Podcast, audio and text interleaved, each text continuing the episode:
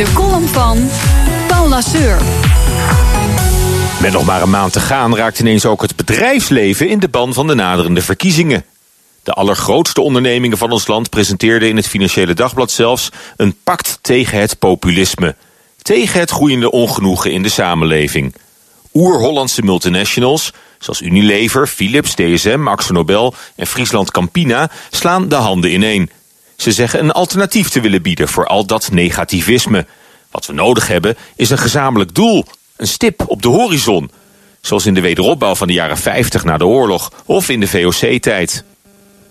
Dat klinkt allemaal heel positief, maar in werkelijkheid is hun fraaie pact tegen het populisme een schaamteloze lobby voor corporate Nederland. Het doel van de initiatiefnemers is de vorming van een brede beweging van bedrijven en mensen die de Nederlandse economie gaat aanjagen.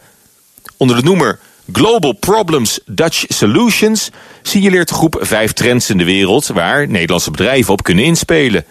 Voedselproblematiek, watermanagement, vergrijzing, urbanisatie en de overgang naar duurzame energie.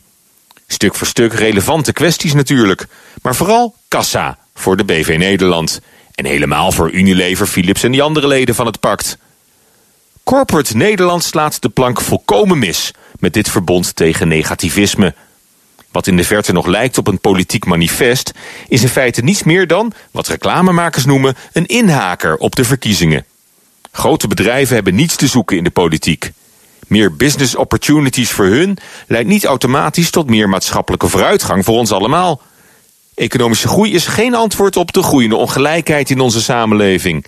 De Nederlandse multinationals overschatten hun betekenis voor de economie. Het lijkt wel alsof ze in een parallel universum leven.